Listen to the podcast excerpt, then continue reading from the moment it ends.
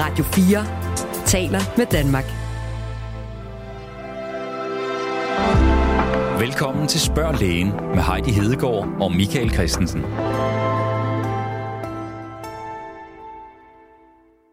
Velkommen til ugens udgave af Spørg Lægen. Velkommen til dig, der trofast lytter med, og også velkommen, hvis det er første gang, du hopper ind i vores radiofoniske konsultation. Uanset så kan du den næste lille times tid slå lyttebøfferne ud og høre om dagens sundhedsfaglige emner.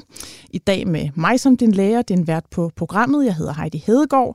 Jeg er normalt praktiserende læge i Sydhavnen i København, men på denne her december lørdag har jeg skiftet de vanlige patienter ud med et panel af gæster og alle Radio 4's lyttere. Det er gået hen og blevet vintertid. Det er koldt og mørkt, og nogen vil med sikkerhed opleve, opleve, at ledene de værker lidt i det her kolde klima. Og netop ledene, det skal det handle om i dag. Jeg får som altid gæster i studiet og glæder mig rigtig meget til at komme omkring nogle af de hyppigste årsager til, at både børn og voksne får ondt i, i og omkring deres led. Først og fremmest så skal det handle om folkesygdommen artrose, eller slidgigt, som det hedder på dansk. En kæmpestor sygdom i dagens Danmark, forstået på den måde, at mange har gener af den, og den faktisk bidrager til en del tab af arbejdskraft. Jeg får en læge og en fysioterapeut i studiet, som begge ved en masse om slidgigt og forsker i det. Og så kommer der også en helt almindelig dansker, som har været igennem et forløb med slidgigt og en operation. Jeg vil blandt andet gerne vide, om der er noget, vi selv kan gøre for at undgå smerter, og hvorfor får så mange danskere egentlig slidgigt? Er det kun øh, jord- og betonarbejderen, eller går det også ud over den lidt mere stillesidende kontormus? Det håber jeg, vi får svar på om lidt. Senere så har jeg en professor fra Aalborg Universitet med på en telefon. Der skal det handle om knæsmerter hos børn og unge, og mere specifikt den sygdom, der hedder osgood slatter. Det er en ganske hyppig knælidelse, som giver smerter i de unge år. Og mange i min egen klinik, de kommer og kede af det, fordi de ikke længere kan gå til fodbold eller følge med de andre i frikvarteret. Og hvad stiller man egentlig op som forældre i de tilfælde? Det kommer vi alt sammen ind på.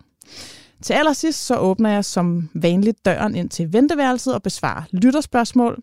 Husk at du stadig kan sende dine spørgsmål om sundhed eller sygdom på sl radio 4dk eller du kan indtale dem på vores telefonsvar. Det er på 72 20 0400.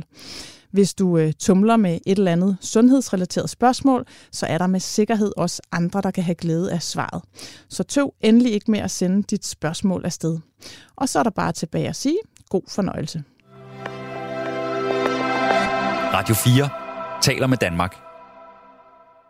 I øh, Sydhavnen, hvor jeg driver min praksis, der har folk altså ret ondt i deres led. Men jeg tror nu ikke, det er så meget anderledes, end hvis jeg var læge i Røding eller i Nordsjælland eller på Bornholm. For vi har generelt mange ledproblemer. Faktisk så er det, vi kalder symptomer fra bevægeapparatet, den hyppigste årsag til, at man henvender sig hos egen læge. Og det er selvfølgelig ikke kun ledsmerter, det er også muskelsmerter eller problemer med senerne, og der hvor senerne de sidder fast på knoglerne. Det hænger jo sammen det hele. I øh, går eftermiddags, der slog jeg lige op i min aftalekalender og kiggede et par uger tilbage. Og jeg kunne faktisk ikke finde en eneste dag, hvor der ikke har været en patient med de her symptomer fra bevægeapparatet.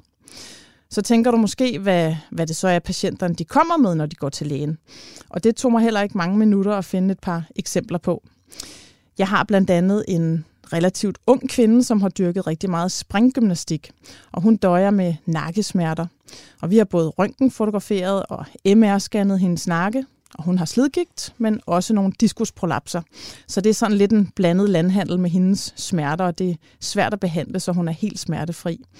Det sidder bare et dumt sted der i nakken. Til gengæld så er hun kommet rigtig langt med nakke- og skuldertræning derhjemme, og så skal vi nok ikke underkende, at vi kan gøre en del ved at sidde ordentligt foran skærmen, og ikke med den her duknakkede holdning, som vi ser overalt i det offentlige rum, når folk de går og kigger ned i mobilen. Så har jeg en af mine faste patienter. Han har nok den værste slidgigt i hoften, jeg nogensinde har set. Øh, og så er det kompliceret med et gammelt brud og forskellige andre ting. Og han har så ondt, at han nogle dage næsten ikke kan komme rundt i sin lejlighed. Og vi har set på røntgenbilleder, og han har været på besøg hos kirurgerne, som synes, han skal have en ny hofte.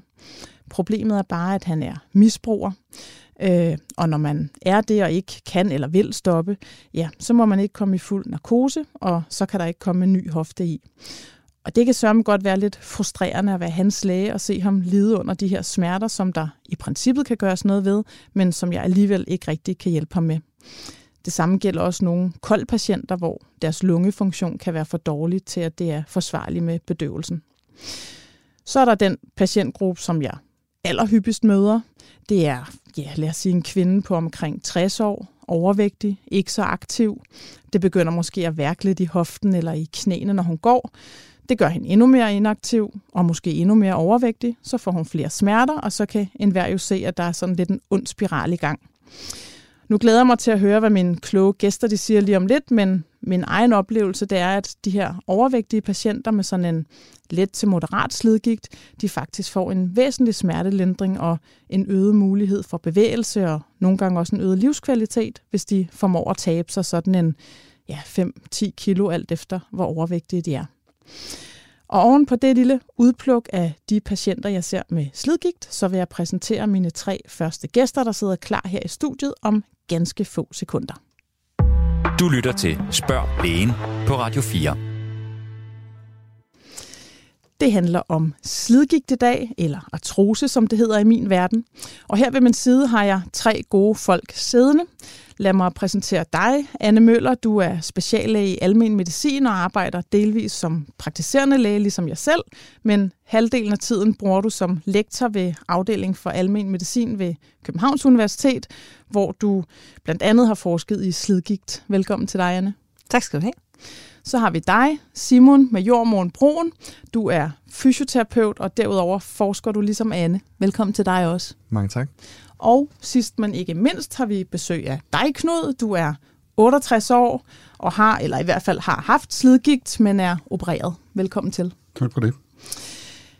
Ja, men øh, alle tre så er I præsenteret for lytterne, øh, og lad os så komme i gang med at vende så mange sten, vi nu kan nå her øh, inden for slidgigt. Og I må endelig hver især råbe op og afbryde hinanden med, med nogle indspark, hvis I har noget at tilføje.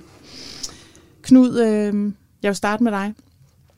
Du har jo ikke som de andre her ligefrem forsket i slidgigt, men du har i den grad oplevet det på egen krop, og ja, af skade bliver man jo klog, så øh, du ved, hvad det handler om. Det må man sige. Ja. Knud, øh, hvornår oplevede du første gang, at der var noget galt i dine led? Det gjorde jeg faktisk i allerede i øh, omkring 1990, hvor jeg begyndte at døje med mine skulder. Og det øh, tog så til igen årene i, øh, jeg tror det var i 17, at det blev konstateret, at jeg havde øh, betændelse i en slimsæk. Øh, der konstaterede man ikke noget omkring slidgigt. Det var først i 2019. Samtidig havde jeg så øh, slidgigt i min hofte, og det er vel tilbage til omkring år 2000, er der første gang mærkede, at der var et eller andet galt i hoften, men øh, jeg har jo gået med det i alle årene, og i 2015 blev jeg udredt ned på Køge sygehus, øh, hvor man konstaterede, at jeg havde slidgigt, men syntes, at det var for tidligt at blive øh, opereret. Så det blev først i øh, 2020, at jeg fik øh, med fem måneders mellemrum øh, ny skulder og en ny hofte. Okay, så en altså meget, altså meget, meget overlang sådan ja. udvikling i det, kan man sige, fra første symptom. Det har det været, og det har været øh, altså tiltagende med, med, med smerter, og det er så blevet øh, behandlet med øh, tramadol igennem alle årene. Ja, så stærk øh, smertestillende. Ja, ja, det har det været. Mm. Hvornår øh, gik du sådan første gang til læge med dine problemer? Øh, jamen, det gjorde jeg vel... Øh, altså i øh, 2015 i hvert fald øh, med, øh, med hoften øh, gik det til min praktiserende læge, fordi jeg synes, jeg havde øh, for ondt, øh, og så blev jeg så udredt. Øh, altså fik jeg taget røntgen og fik konstateret, øh, at der var noget slidgigt. Øh, skulderen, det har sådan været pø om pø, fordi øh, hvis jeg har været lidt for dygtig med at løfte noget, så fik jeg ondt i den, og det, men som sagt så var det altså først i, jeg mener det var i, øh, i 19, at det blev konstateret, at det var slidgigt, jeg havde. Mm. Øhm, ja. Men hvad med alle de år så, altså helt siden 90'erne siger du, ikke? Ja, altså det er jo mange ja. år alle de år, du har gået og fået det her stærke smertestillende, altså hvad har du talt med, du har vel talt med lægen i løbet ja, af de år? Ja, altså det fik jeg ikke i starten, men, men øh, lidt efter lidt øh, fik jeg jo, øh, øh, lige vil sige, alle de tramadol, som, som jeg synes, jeg havde brug for. Altså der var ikke nogen, øh, Øh, der var ikke nogen, der sagde stop til mig, at jeg ikke måtte tage dem. Og det var ikke, fordi jeg var i et afhængighedsforhold, men altså, jeg tog dem, når smerterne blev for stærke. Okay, så ikke nødvendigvis hver dag? Nej, nej, det var ikke, absolut ikke øh, kontinuerligt. Det var, det var faktisk temmelig forskelligt. Det kom ind på, hvad, hvad, hvad jeg foretog mig. Okay. Øh, hvad det gav smerterne. Og hvad, hvad sagde din læge til dig, da I fandt ud af, at det var slidgigt? Hvad skulle du gøre? Ja, men altså, nu er der så to, to ting, der er øh, hoften, øh, som øh, blev udredt for i 2015. Der fik jeg at vide, at jeg nok skulle vente. Øh, øh, spurgte faktisk om, hvornår synes du, jeg skal opereres? Og så øh, fik jeg den besked, når du ikke kan holde det ud mere. Mm. Øh, og det gik så fra, fra 2015 til øh, 19, øh, hvor jeg så fik den sidste undersøgelse eller udredning, altså røntgenbehandling, hvor man kunne se, at den, den, den, var, den var gal og blev så indstillet til operation. Og skulderen var jo sideløbende med, så jeg vil sige, de sidste øh, to år, inden jeg blev opereret i øh, henholdsvis januar og juni 2020, øh, de var sgu ikke særlig gode. Altså derfor havde jeg virkelig, øh, virkelig stærke smerter. Jeg arbejdede stadigvæk, men, men gav faktisk op øh, i november 2019 på grund af, af smerter. Det var så et job, jeg havde, som efter jeg egentlig var blevet pensioneret, så jeg kunne med sindsro bare øh, sige, at nu, nu gider jeg ikke mere, og, og sådan var det. Mm. Men du trak den sådan relativt langt i forhold til smerterne, kan det, jeg forstå. Det gjorde jeg, ja. ja. Okay, men jeg vender lige tilbage til dig, Knud, for jeg skal lige have Anne på banen. Anne, de symptomer her, primært smerter, ikke, som Knud han fortæller, er det, er det sådan, du hører slidgigt-patienterne præsentere det? Ja, det tænker jeg, mm. det er sådan en meget klassisk historie med den her udvikling over mange år, og at det er smerterne, der er det primære. Man kan sige, der er også noget med funktionsnedsættelsen. Nu har vi ikke lige hørt fra Knud om, hvor meget det egentlig mm. begrænsede ham, udover det med arbejdet, som du også startede med at sige, som er noget, vi er rigtig bekymrede for, når det er noget, der går ud over arbejdsdeltagelsen. Mm. Selvfølgelig, at folk ikke kan gå på arbejde for smerterne. Så det, det kan man sige, det er en konsekvens af smerterne. Men ellers at man ligesom begrænser sig i sin udfoldelse, fordi at man har for ondt. Og det gør man så sådan jævnt over årene, og så på et eller andet tidspunkt når man netop til et punkt, hvor jeg tror, jeg siger lidt det samme, lyder det til, som Knuds læge. Mm-hmm. Altså, vi må lige se til, at du ikke kan holde det ud mere. Ja. Og så er der jo forskellige, hvornår man ikke kan det. Og der kan være forskellige årsager, netop hvis man er yngre og skal passe et arbejde. Ikke? Ja. Er der andre sådan typiske symptomer, de kommer og fortæller om, ud over smerterne? Det er mest det her med, hvis det for eksempel er knæ, så kan det være sådan noget med, det er svært at gå på trapper, eller hvis man er på ferie, og man går lidt anderledes, end man plejer, for eksempel storbyferie, man går mere, eller man har sådan nogle specielle belastninger, hvor man så kan mærke, at så får man lige med det samme ja, øh, betaling, altså at man får flere smerter i perioden, efter man har lavet den her ekstra belastning. Det synes jeg sådan er klassisk også, at, at folk kommer øh, og har lavet noget, de ikke plejer. Det kan også være, at de har været på skiferie, eller sådan noget, altså hvor, hvor de egentlig har lavet noget, der ikke har været noget, de kommer til skade, eller noget, om de kommer hjem og har mere ondt end de plejer. Mm. Når man sådan læser i lægebøgerne om, om slidgigt, der taler man om sådan en smertetriade, altså sådan en trekant nærmest af smerter, eller det er tredelt, at man starter med at have rigtig ondt, når man sætter i gang med en eller anden aktivitet, så bliver det sådan lidt bedre, man kan fortsætte, hvor det er okay, og så når man har lavet for meget, så gør det rigtig ondt igen. Er det sådan, at du hører patienternes smertehistorik er?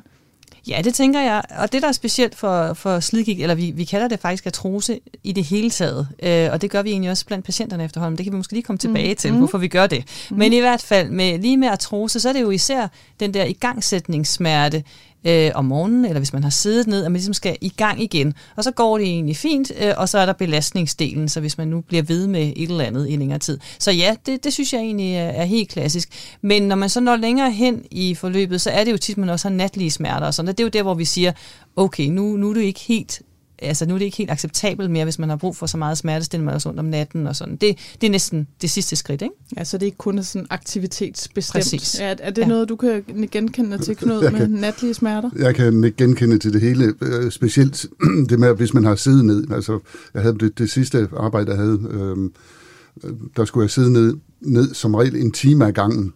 Og, og hvis jeg glemte at rejse mig op i øh, undervejs, så kunne jeg næsten ikke gå, simpelthen. Øh, det tog 5-10 minutter, hvor jeg haltede afsted, inden det ligesom var over igen.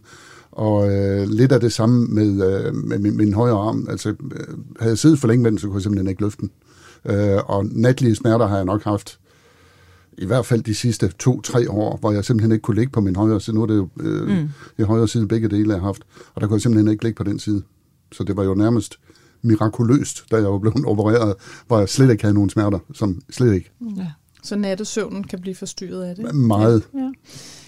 Anne, hvis jeg går tilbage til dig igen, altså hvorfor gør det så ondt det her? Kan du ikke prøve at fortælle lytterne, hvad, hvad der sådan helt fysisk sker inde i et knæ, eller en skulder, eller en hofte, hvad det nu er, øh, når man har artrose? Jo, altså man må så sige, noget af det, der er problemet nok med den sygdom, er, at der er rigtig meget, vi ikke ved. Mm-hmm. Men, men vi ved selvfølgelig, at der sker en hel masse i hele ledet, og ligesom du også nævnte før, så er det jo ikke kun det, som de fleste ved, at brusken på en eller anden måde forsvinder. Altså det, det, det er klart, og det er også det, vi kan se på røntgenbillederne, at der sker noget i forhold til brusken, men der sker også alt muligt andet omkring ledet. Og det er både i knoglen op mod brusken, altså hvor der sker forskellige forandringer. Knoglen reagerer på, at der mangler noget brusk. Hele den øh, pose af sådan, det, det, som Knud før kaldte slimsækken, der er altså nogle slimsække i alle led, de bliver rigtig irriterede, de bliver hævet, de bliver fyldt med væske, og det er jo noget af det, der gør, at der er mindre plads, og derfor også giver ja, anledning både til hævelse, men også, at det gør ondt. Så der sker noget med det hele, og sådan set også ledermuskler, muskler, som, som du også nævnte. Så det er sådan et, et helledsproblem. Det er ikke kun det med brusken, som man lige måske umiddelbart tænker i forhold til artrose. Og hvad med den her stiv, stivhed, som nogen de får i, i ledet? Hvorfor gør man det? Ja, det er de her slimsække, eller de her beskyttende lag af sådan øh, væske, der egentlig burde være, og smøre ledet omkring øh, brusken også. Og den, øh, i og med brusken er væk, så er der en masse celler, som ikke skulle være der. Altså der er en masse celler, der kommer og tror, at de kan hjælpe til med ligesom at hele op. Så det, immunforsvaret, Ja, lige kommer, præcis. Ja. ja. Og, og det gør, at øh, de sådan bliver en anden konsistens, det her væske, mm. og, øh, og, og ledet kan på en eller anden måde ikke bevæge sig lige så, så let. Og så den her, ja, de her immunforsvarsceller, de er med til at genere smerteenderne. Jeg synes jo også, jeg ser og hører om patienter, når de kommer her, og det begynder at blive koldt i vejret, så bliver ledvæsken jo i sig selv lidt stivere. Vi ved, at vi får helt stive fingre og sådan noget, hvis ikke vi har vanter på. Ikke? Og det fornemmer jeg også giver en, en, en øget smerte. Helt sikkert. Det oplever vi jo, at de fleste af patienterne også ja. siger. Jeg tror, jeg ved simpelthen ikke, om man har undersøgt, om der sker noget rent kemisk, men det virker jo sådan. Altså, det giver, mm. det giver sådan nærmest naturlig, sådan en, en naturlig forklaring. Ikke? Ja. Men, ja. Anne, jeg kunne godt tænke mig at vide, altså, hvem der får slidgigt, fordi for nu, og nu siger du, måske har det noget at gøre med det her med, at vi kalder det artrose, det, det må du komme ind på, men fra gammel tid, så har vi jo talt det øh, om slidgigt som sådan en nedslidningssygdom. Ikke? Så hvis man har arbejdet fra man var 12 år med hårdt fysisk arbejde, så bliver man nedslidt, og det kan måske give sig selv. Men altså majoriteten af de patienter, jeg selv har i min klinik, de har ikke gjort noget specielt. Altså, der kan man ikke lige, der kan jeg ikke sige, det er derfor, du har fået det. Det har de bare. Så hvorfor får vi det? Ja, det er jo et af de andre sådan gode spørgsmål, som vi ikke helt har svar på, men, men du har helt ret, og man kan sige, det var faktisk egentlig det, som mit, min forskning startede med, det var øh, simpelthen sammenhæng mellem arbejde og nedslidningsprocessen, som det hed i min PhD, og der var ikke nogen sammenhæng, og det er jo ret kontroversielt at snakke med patienter om, som netop har haft et hårdt fysisk arbejde, fordi de har slidgigt mange steder, nogle af dem, men der er også nogle af dem, der slet ikke har det, selvom de har haft det samme fysiske arbejde, og de også startede, da de var 12 år gamle. Så der er jo nogle andre ting, der spiller ind her, det er helt sikkert. Der er nogle nogle øh, jobs, hvor vi ved, at der er en øget risiko. Og nu nævnte du hende, der var springgymnast. Der er nogle af de her balletdansere, hvor vi kan se noget. Der er sportsfolk, hvor vi kan se noget. Men tit er det jo, fordi der har været en form for skade, som så har gjort, at man har øget risiko for slidgigt. Det er klart, at folk, der har haft en korsbåndsskade, de har i langt højere grad risiko for tidligere at få slidgigt eller artrose i deres knæ. Altså Men fordi det, man kommer til sådan at belaste ja, forkert det er i hvert fald anderledes. teorien. Ja, Ja, ja, lige præcis. Så der er en eller anden form for skævhed, eller ja, at man belaster anderledes, eller aflaster det ene ben og, og belaster det andet ben. Så man kunne også forestille sig, altså nu, man kan jo blandt andet have sådan en lille, en lidt skæv ryg, det hedder en skoliose, ikke? men hvor der kan være sådan lidt benlængde forskel. Så hvis nu det ene ben er lidt kortere end det andet, så vil man jo også gå skævt. Altså det er også noget, der disponerer.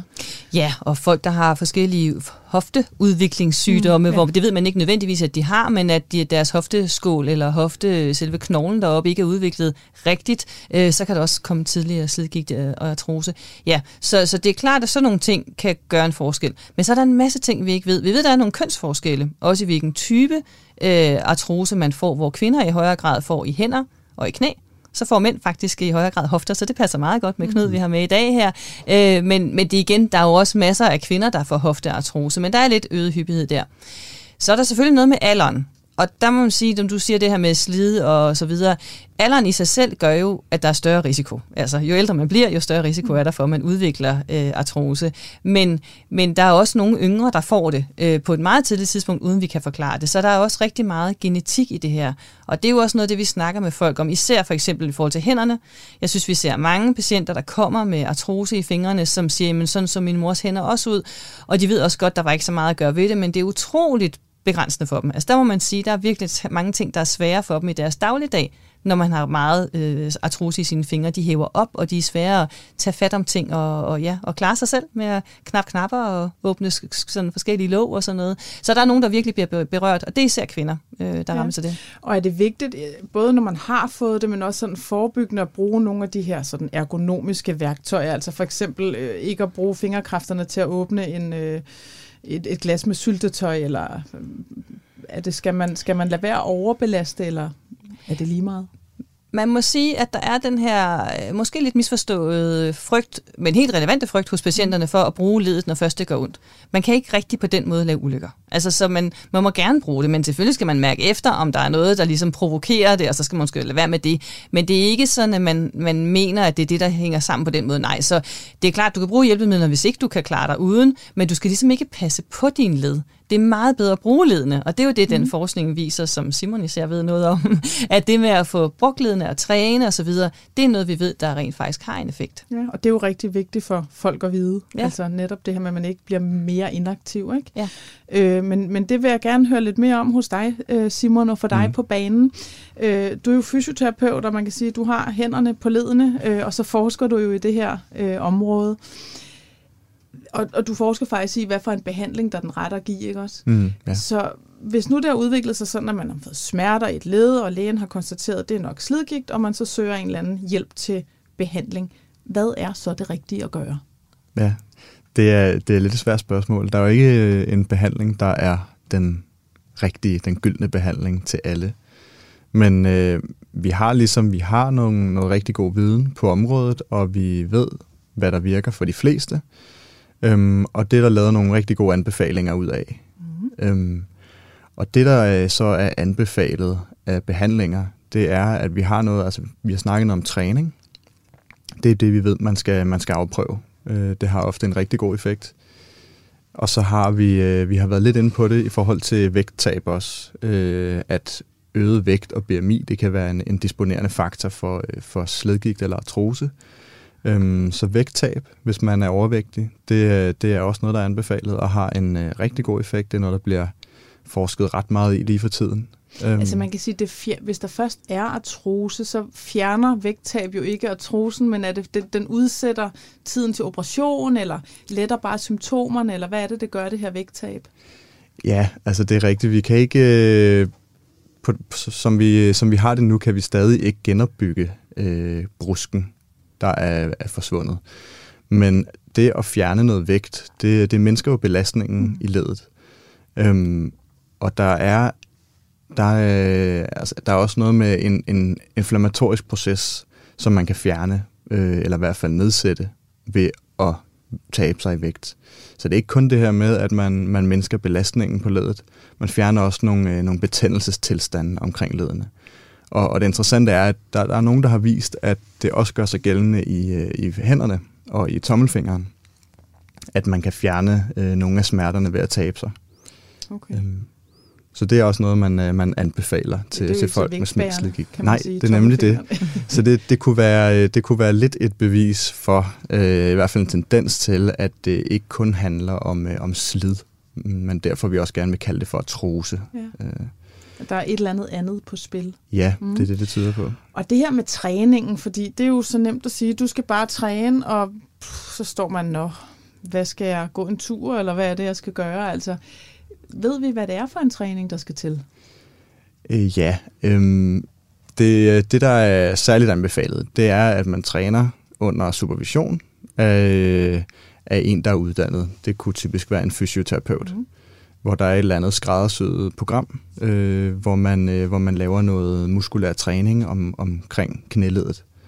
Hvis, man, hvis det er i knæet? Ja, omkring knæledet mm. eller, eller hofteledet, der er der mm. også nogle, øh, nogle skræddersyede mm. programmer til, øh, og der er også til ryg. Øhm, men det, der også er vigtigt i tillæg til træning, det er, at man, man ligesom lærer at, at bruge ledet øh, på en bestemt måde, og man lærer at leve med det at have artrose. Så man, øh, man lærer ligesom at, øh, at, at, at lære at, at leve med diagnosen, og hvordan man kan bruge ledene mest hensigtsmæssigt. Okay, så egentlig ikke, altså ja, igen, det fjerner det jo ikke, men, men vil det også tage noget belastning af ledet? Altså vil man kunne bruge ledet bedre ved at styrke muskulaturen omkring det? Er det sådan en tilgang?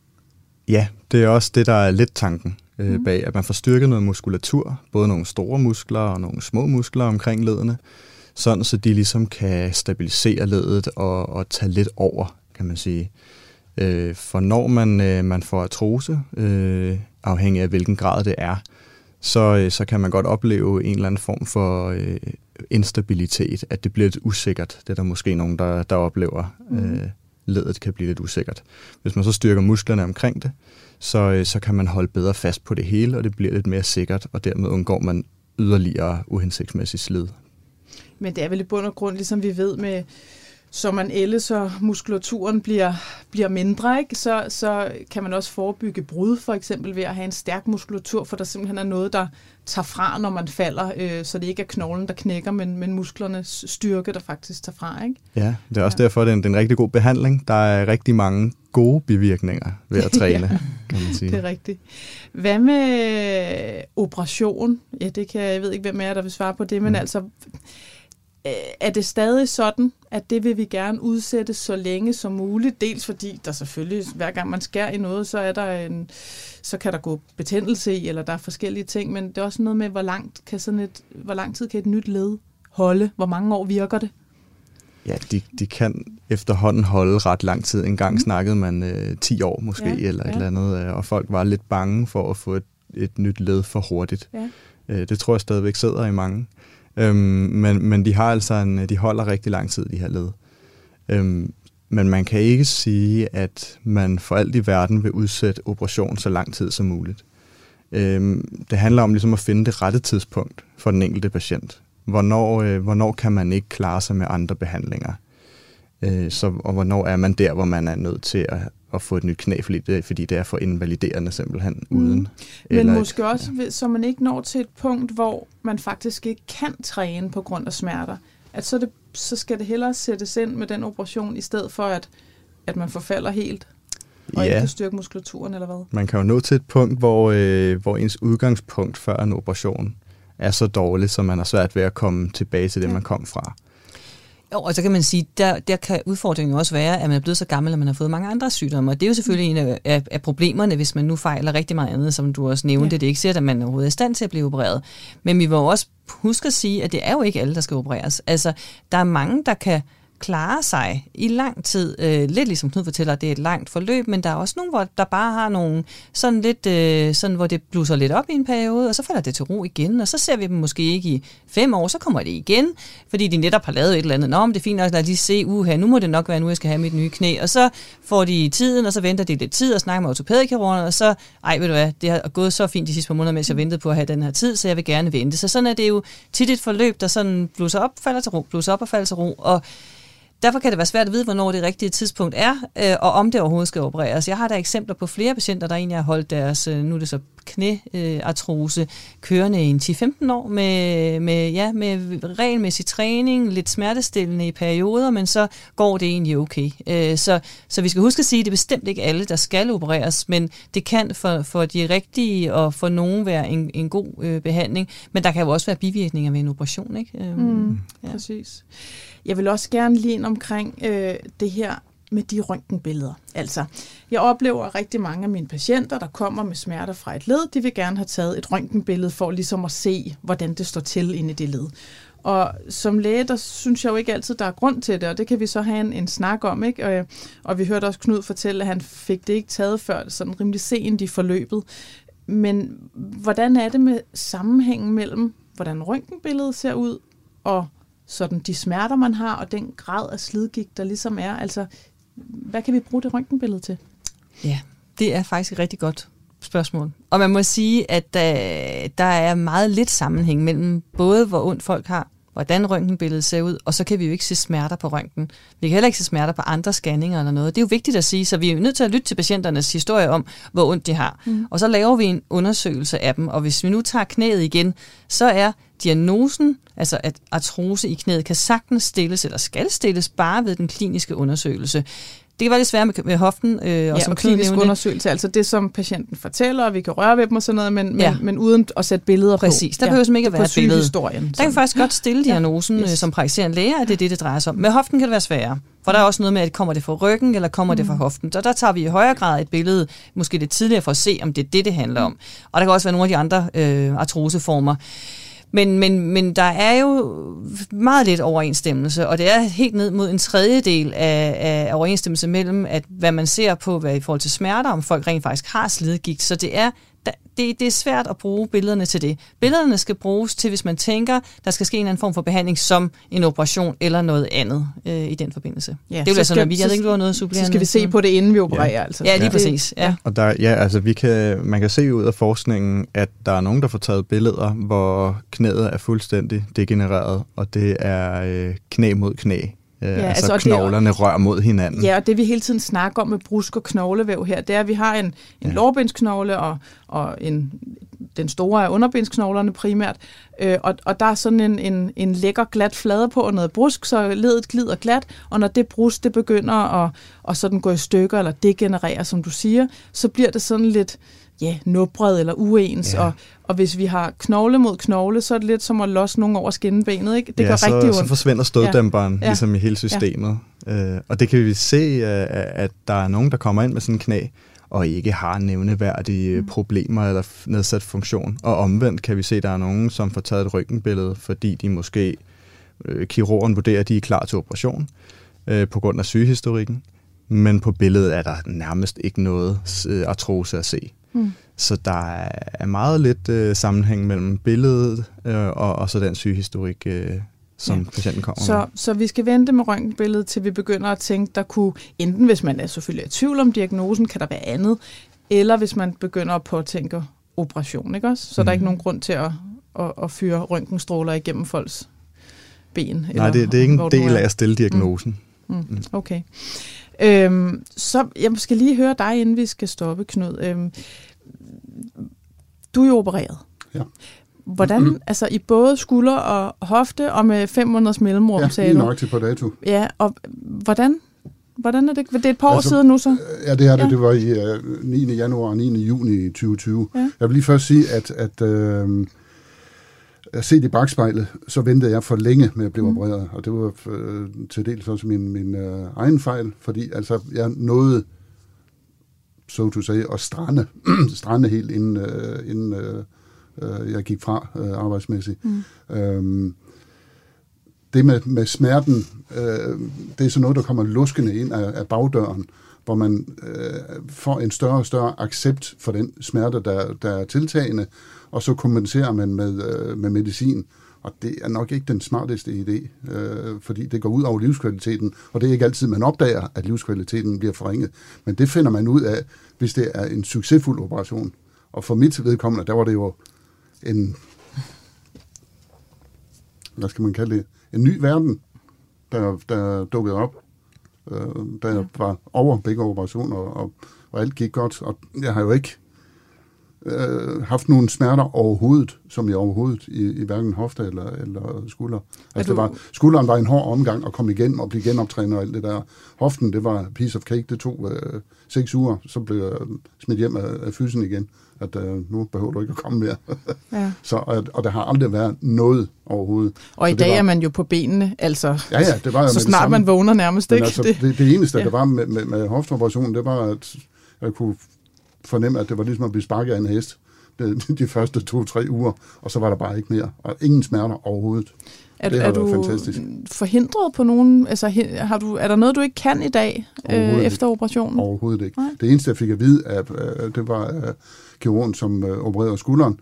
Han sagde, du skal nok ikke dyrke kampsport, og så skal du heller ikke uh, bruge en forhammer eller en stor økse alt for meget, for det er ikke godt med de stød, de giver. Men ud over det, ingen uh, restriktioner overhovedet. Okay. Og, og, og det med, man har hørt om, at øh, med hofteledet, at, at, øh, at det, den hopper ud øh, øh, den, den kunstige øh, ting der. Ja, der er nogen, der, hvis de sidder i en bestemt stilling over sådan bøjer den på en bestemt måde, ja. og så kan den hoppe ud af, altså så kan hofte, hovedet på lårbensknoglen hoppe ud af, ja. af hofteskålen. Ja. Det er sådan... Altså, jeg har ikke øh, altså, haft nogen som helst begrænsninger øh, rent fysisk. Slet ikke. Overhovedet ikke. Så en succeshistorie. Det har været virkelig en succeshistorie. Og hvad med smertestillende? Skal du tage det nu? Overhovedet ikke. Ingenting? Intet. Nej. Okay. Vi skal, vi skal snart til at runde af, men jeg skal lige høre jer, øh, Anne og Simon. Hvis I skal give lytterne et godt råd for at forebygge slidgigt, kan I det? Ja, det tror jeg godt, vi kan. Ja. I hvert fald det bedste er jo egentlig at holde sig så aktiv som overhovedet muligt, fordi mm. vi ved, at det at øh, motionere ledene, altså det, det er godt, lige meget hvad sådan set. Så, og det gælder jo, som du også nævnte før, for rigtig mange sygdomme, så, så vi kan simpelthen ikke finde noget, der taler imod, at man skal være fysisk aktiv. Øh, og det gælder både sådan regulær styrketræning, men også i det hele taget at holde sig i gang og gå ture og få pulsen op og sådan noget. Så det må man sige, det er i hvert fald, mm-hmm. det vil være, selvom jeg ikke er fysioterapeuten, så er det det, jeg vil sige. jeg er meget enig i øh, fysisk aktivitet, og så øh, pas på ikke at blive for overvægtig. Ja, ja. Mm. og de hænger jo meget godt sammen, de to ting. Det er nemlig det. Ja. Okay, Jamen, så vil jeg sige tak til alle tre. Anne Møller, speciallæge i almen medicin. Simon Majorbroen, Broen, Majormoen Broen, sådan hed det, yes. fysioterapeut. Og sidst men ikke mindst dig, Knud. Øh, tak fordi du havde mod på at komme og, og fortælle om din historie med slidgigt. Velbekomme.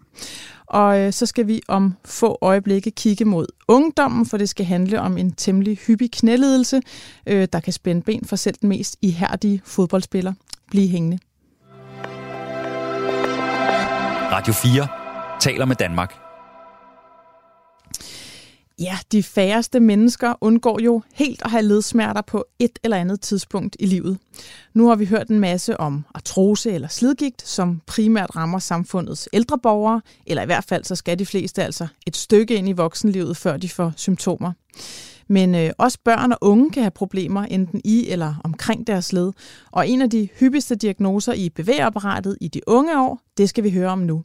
Den kaldes Osgood Slatter, et lidt mærkeligt navn måske, men den er som bare opkaldt efter de to læger, som i tidernes morgen beskrev tilstanden.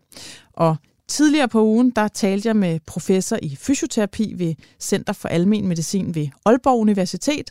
Han hed hedder Michael Skovldal Ratlef, og den snak, den får du her. Hej Michael. Hej hej. Hej, du er med på en telefon fra det øh, nordjyske, og jeg kan høre, er hul igennem. Øh, hvis jeg lige skal præsentere dig. Michael Skovdal Ratlef, du er fysioterapeut, og du er professor ved Center for Almen Medicin øh, ved Aalborg Universitet, er det sådan? Lige præcis. Ja, og du har taget dig en pause her fra dagens gøremål for at fortælle, spørg lægens lytter, lidt om den tilstand, som vi kalder oskud slatter. Lige præcis. Ja, Michael, øh, oskud slatter, det er jo sådan en smertetilstand omkring knæet. Øh, men der er jo så meget, der kan gå ondt i det der knæ. Så for at øh, alle er med på, hvad det er, vi taler om, vil du så ikke fortælle, hvad det her oskud slatter det egentlig er for en tilstand? Jo, jeg, jeg tænker jo næsten, hvis man går ud i enhver fodboldklub eller håndboldklub, så selv mødre og fædre, og også børnene selv, de har allerede en god fornemmelse for i hvert fald, hvordan det opleves, og hvordan det føles, og det ser ud, fordi det er jo en af de mest hyppige smertetilstande, som vi har hos de, hos de unge i alderen 10-14 år. Men det er jo, når at de, de unge, ofte dem, som er rigtig glade for at dyrke forskellige typer sport, som involverer hop og, og løb, for eksempel som fodbold og håndbold, at de oplever de her sådan meget vellokaliserede smerter på den der bule, som de har nedenunder knæskallen. Det er også det, vi kalder smerter nede omkring tuberositas tibia. Og det er der, hvor at senen fra den store lårmuskel hæfter dernede. Og der tror man simpelthen, at når vi er så glade for at dyrke sport, og vi hopper, og vi springer osv., så nogle gange kan man gøre det for meget, og så får man simpelthen det, man kalder en overbelastningsskade, overbelastningssmerter, ned i det her område på den her bule nede under knæskallen. Ja, de, de fleste kan jo, altså hvis man mærker på sit knæ og knæskallen, så lige et par centimeter under, så er der det her lille knoglefremspring, ikke? Som vi, en lille bule, som du siger, som vi kalder tuberositas tibia. Det behøver man jo ikke gå rundt og huske på, men altså dem, der har det, ved godt, at den er mega øm, ikke? Lige præcis, og nogle gange så kan den også godt være hævet, og det er helt normalt, og det er ofte noget, som godt kan forsvinde i en vis grad igen, efter at man stopper med at have, at have ondt. Og det er sådan lidt en, øh, når du også spørger, hvad det egentlig er, så er det en af de spørgsmål, som øh, vi ikke sådan 100% kan svare helt nøjagtigt, men det er i hvert fald smerter nede i det område. Både noget, som relaterer sig til selve scenen, men også noget, der relaterer sig til der, hvor scenen den ligesom sidder fast på knoglen, og noget af det væv, der er i området. Det er også derfor, det kan sådan opleves måske lidt forskelligt, om man har øh, Heidi og Brian, som begge to har ondt i, øh, i det her knoglefremspring men det kan godt føles lidt forskelligt hos dem, og det kan måske have noget at gøre med, hvordan at det lige øh, opleves hos dem. Men, men altså, hvad, hvorfor gør det ondt? Altså, hvad, hvad er det, der sker lige mellem den scene og det knoglefremspring? Man tror simpelthen, at det er fordi, at man har trukket for meget i en periode, eller ikke har slappet godt nok af, eller fået nok søvn imellem, undskyld, mellem forskellige træningspas, og så bliver der simpelthen sådan en form for en irritationstilstand dernede. Så det er vigtigt at sige, at der er ikke noget, der er gået i stykker, men der er noget af det væv, som er nede i området, som siger, hold op, jeg er blevet overbelastet. Og så oplever man de her smerter lidt som en indikator på, nu skal vi måske lige holde lidt igen med at presse på og blive ved med at presse på. Så det er bare helt normalt at have ondt, og det er bare kroppens måde at fortælle på, at nu skal vi måske lige overveje at skrue en lille smule ned. Mm. Og øh, grunden, altså du siger, det kommer her hos de store børn og unge mennesker, ikke? Øh, sådan lidt præ-teenageårene, ikke?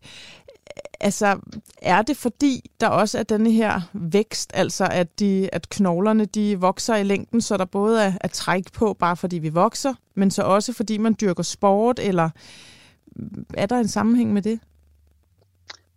Hvis man kigger sådan ren nøgtern ned i videnskaben, så har man faktisk ikke kunne demonstrere, at det er mere sandsynligt at få årskudsslatter, fordi man er i en vækstspurtsperiode. Men jeg tror dog, og det her det er baseret på alle de unge mennesker, som vi har set og snakket med osv., der er et eller andet omkring, når man er rigtig glad for sin sport, og man dyrker rigtig, rigtig meget sport i de der år, hvor man også kan gå fra at være på det lokale hold, som KFUM, som den lokale klub her hedder hos mig. Så man er 10 eller 11 år, så kan man også komme til elitetræning ved AB for eksempel. Og så træner man lige pludselig både elite ved AB, men man er også stadigvæk en del af sin normale klub, og så begynder man at træne rigtig, rigtig meget. Og det er faktisk den stærkeste risikofaktor, vi har. Det er, at man laver rigtig, rigtig meget sport, eller man har store udsving i træningen fra uge til uge. Mm. Så der er ikke noget sådan helt nøgternt, som siger, fordi du vokser, så er det derfor, du får det. Men nok en kombination af, at vi vokser i højde og drøjde, og laver en masse sport ved siden af, og så bliver kroppen simpelthen øhm, overbelastet, og så skal vi ligesom prøve at reagere på det. Ja, så, så det er altså mest af alt sådan en, en overbelastningsskade, kan man sige. Lige præcis. Mm. Hvordan, hvis nu der sidder nogen derude og måske kan genkende sig selv eller genkende sit barn lidt i det her, altså hvordan oplever du, at det går ud over hverdagen hos de her unge mennesker, der døjer med knæsmerterne? Altså hvor, hvor begrænset er det i deres sådan, dagligdags aktiviteter? Eller er det kun sporten, det går ud over? det er faktisk meget forskelligt. Vi har haft nogle unge mennesker ind, som jeg har set, som har haft lidt problemer med at øh, både deltage i skoleidrætten, men også gå på alle de trapper, som var på deres skole. Det vil så sige, det er dem, der oplever det allermest. Men vi har også haft nogle af de unge ind, som er rigtig, rigtig fodboldaktive, og det er altså kun, når de er på træningsweekender, at det ligesom blusser op og bliver et problem. Så det kan simpelthen ramme på rigtig, rigtig forskellige niveauer. Men hvis det er, at der kommer et unge menneske og tænker, ah, jeg synes, jeg har, jeg har svært ved at cykle i skole, jeg har svært ved at øh, lege med mine venner ude i skolegården, fordi når vi løber rundt, så gør det egentlig ondt, og så trækker jeg mig.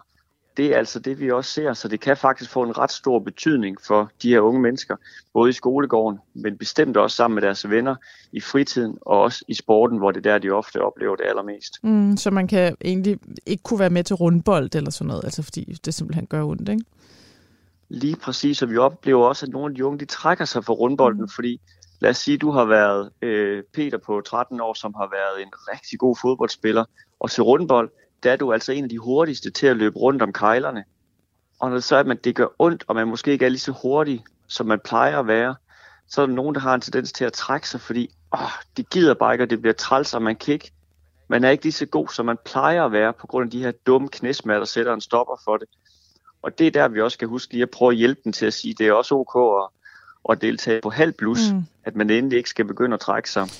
Okay, og, og hvis nu der igen, der sidder nogen derude og kan genkende det. Altså, jeg synes, det der står i lærebøgerne, eller i hvert fald gjorde det dengang, jeg læste omkring skudt slatter, det var, at man skulle aflaste, og man kunne bruge kuldeindpakninger og sådan nogle knæbandager.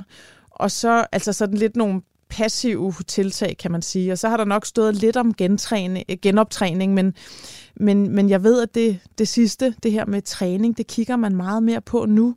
Øh, så så hvad, hvad har jeg fundet ud af i sådan forskningsøje med, at der er bedst at gøre, hvis man har den her tilstand? Jeg tror, der er to ting, som man skal øh, fokusere på. Det ene det er, at man skal ikke blive derhjemme og holde fuldstændig pause fra sin sport og sidde og se Netflix og være på WhatsApp. Det er vigtigt, at man fortsætter med at være så fysisk aktiv, som man kan.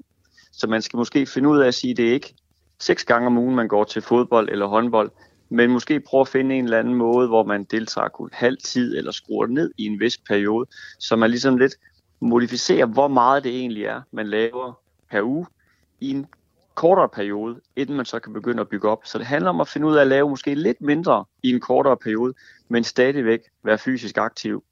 Og det er jo godt, fordi det er jo også de ting, som vi ofte finder, de unge mennesker, de vil jo gerne være ude i deres sport, og de har mange gode venner ude i sporten. Så det er også vigtigt at gøre, hvad man kan for at holde dem i sporten, og ikke sige, du skal hjem og holde pause.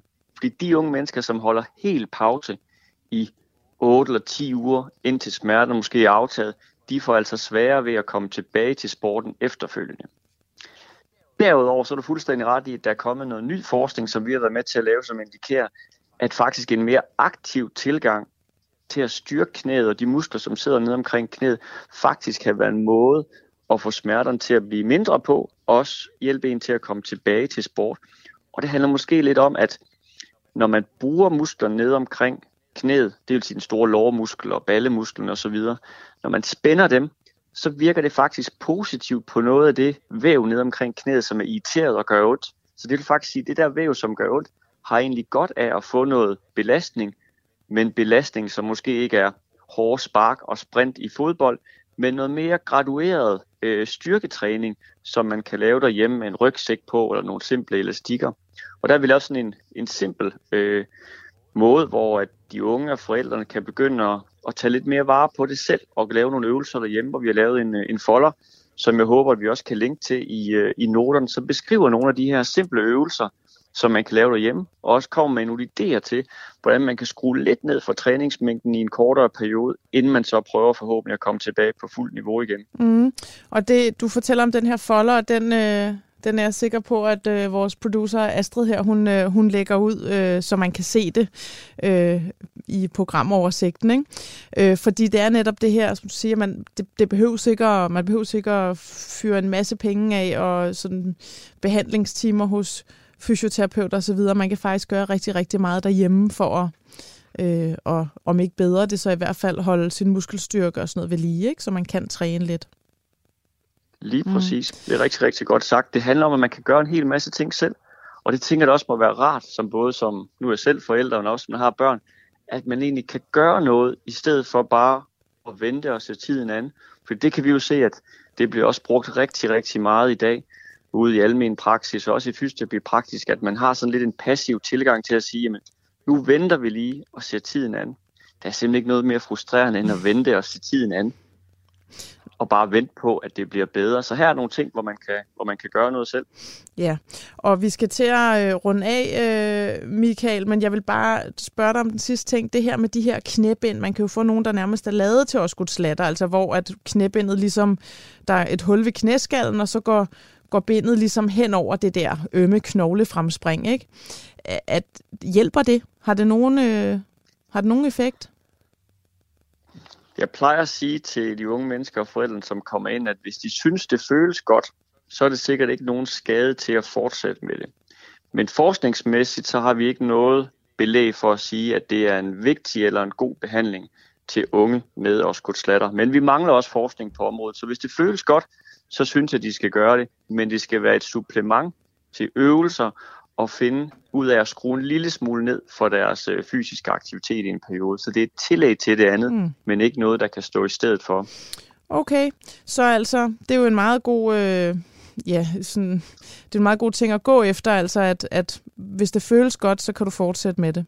Og hvis det føles forkert, så skal du nok bakke lidt tilbage, ikke? Præcis. Godt. Jamen, øh, Michael, øh, tak fordi du var med og gav de gode råd videre her, øh, og have en god dag. Tak skal du have, Heidi. Tak for snakken. Godt, hej. Og det var Michael Skovdal, Ratlef, professor ved Center for Almen Medicin. Du lytter til Spørg Lægen på Radio 4. Vi er så småt ved at nå til vejs ende i dagens program, men du skal selvfølgelig ikke snydes for nogle af de lytterspørgsmål, som vi har fået i ugens løb. Først så er der en lytter, som gerne vil vide, om vinterdepression rent faktisk er noget, der findes, eller om det er bare noget, vi går rundt og siger. Og det er jo et rigtig godt og aktuelt spørgsmål her, hvor det er blevet vinter. Og der kan jeg sige, at vinterdepression, ja, det findes. Det starter i de sene efterårsmåneder og slutter sådan med forårets komme. Og først og fremmest så udløses vinterdepressionen af mangel på lys, og nogle studier de viser også, at faldende temperaturer det er en faktor. Og man øh, estimerer, at sådan op mod 5% af befolkningen her i Skandinavien lider af vinterdepressioner, mens det måske er det dobbelte øh, i Alaska, hvor der er endnu koldere og mørkere. Til gengæld så findes der stort set ikke øh, vinterdepressioner i verdensdele med lys og varme året rundt. Og modsat en almindelig depression, som jo kan vare hele året, øhm, så er der ikke nødvendigvis nogen stor tristhed involveret i vinterdepressionen. Der kan godt være det, men det, der sådan tit dominerer, det er en ekstrem træthed og sådan en energiforladthed. Øh, og behandlingen, den er egentlig nem nok, den er bare lidt tidskrævende, det er lys, og man kan købe sådan nogle særlige lysapparater, som udsender et særligt stærkt lys omkring det, der hedder 10.000 lux. Men øh, det kræver som sagt lidt tålmodighed, for man skal som regel sidde foran det her lysapparat og kigge ind i det mindst 30 minutter hver morgen, for at det sådan har en effekt. Øh, det hjælper også at komme ud og få noget motion, og det hjælper at være udenfor i det lyse timer, så man får endnu mere lys ind gennem sine øjne. Så ja, vinterdepressioner, det øh, er måske et udtryk, vi bruger i flæng, men det er altså også en tilstand, som reelt findes. En anden lytter spørger, om det er rigtigt, at børn kan få grå stær. Og øh, ja, det er rigtigt, men det er også lidt en sjældenhed. Grå stær, det er jo den her øjensygdom, som vi normalt får, når vi bliver ældre. Det er hyppigst, hvis man er 65 plus. Og det er en sygdom i øjets linse, som bliver sådan uklar. Den kan blive sådan hvidlig eller grålig, og, og så, bliver det et, så bliver den uklar at se igennem. Øh, I dag der er der jo en nem og hurtig operation, som mange danskere får lavet hvert år. Og børn de kan enten have en medfødt, medfødt grå stær, eller den kan opstå sådan i løbet af de første barneår. Øh, og det kan ses som sådan lidt grålig pupil, øh, eller barnet kan pludselig begynde at skele. Øh, det er der så også mange andre årsager til, så det er altså ikke fordi, at hvis du har et barn, der skæler, så er det ikke fordi, at det nødvendigvis har grå stær, bare lige for at få det på det rene. Men øh, hos lægen, der laver vi en meget simpel undersøgelse, som kan afsløre grå stær hos børn. Selv der laver jeg den ved alle børneundersøgelser. Jeg lyser barnet i øjet med en særlig lygte, og hvis jeg får sådan en rød refleks tilbage, ja, så er linsen fin og klar, og barnet har ikke grå stær.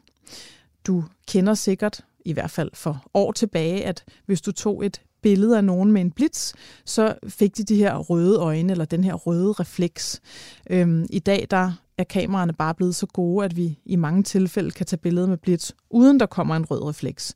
Men det skyldes altså et godt kamera, og ikke at mange flere børn får grå stær. Så det er hos lægen, at refleksen den skal tjekkes.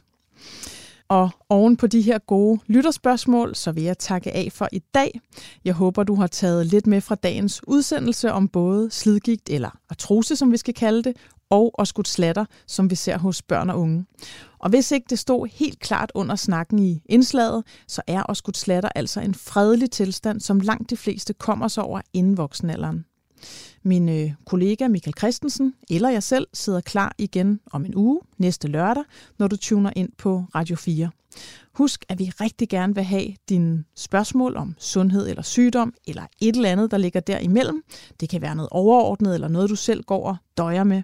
Du kan sende en mail på sl radio 4dk eller du kan ringe og indtale en besked på vores telefonsvarer, og nummeret er som altid 72 20 0400. Så skal en af os nok gennemgå så mange spørgsmål vi kan. Jeg hedder som altid Heidi Hedegaard, og jeg var din læge og din vært i dag. Astrid Kirkeskov produceret. Jeg håber, du får en rigtig god weekend, måske med lidt julehygge på programmet, og så lyttes vi ellers ved. Radio 4 taler med Danmark.